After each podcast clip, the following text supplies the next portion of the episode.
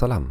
Alman aksanında dünyanın 21 dilde yegane psikoloji podcastı olan Gerhard Orban ile idarecilik psikolojiye hoş gelmesiniz.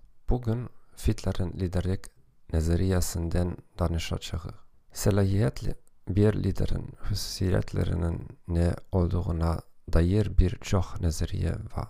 Fred Fiedler nezariyesi en yaxşı liderlik terzinin iş vaziyetinden asılı olduğunu vurgulayan ilk fikirlerden biriydi. Hiçbir liderlik terzi hemişe en yaxşı olmayacak.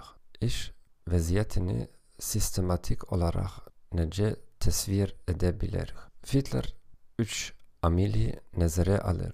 Lider ve tekipçi olan şahs arasındaki münasebetlerin keyfiyeti. Resmi silahiyet ve gücün mevcutluğu ve performans hedeflerinin aydınlığı. Bu üç amil vaziyetin elverişliliğini kömek edir.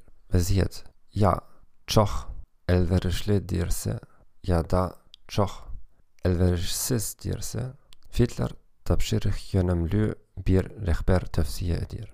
Vaziyet karışıktırsa daha çok insan yönümlü bir liderlik terzi tavsiye edir. Vazife yönümlü liderler ne edirler? Görülesi işi müeyyenleştirirler, kuruluş verirler. Son tarihleri tetbik edirler ve keyfiyete nezaret edirler. İnsan yönümlü liderler ne edirler? Yaxşı komanda işine ve işbirliğine dikkat ayırırlar. Ünsiyeti yaxşılaştırmaya çalışırlar.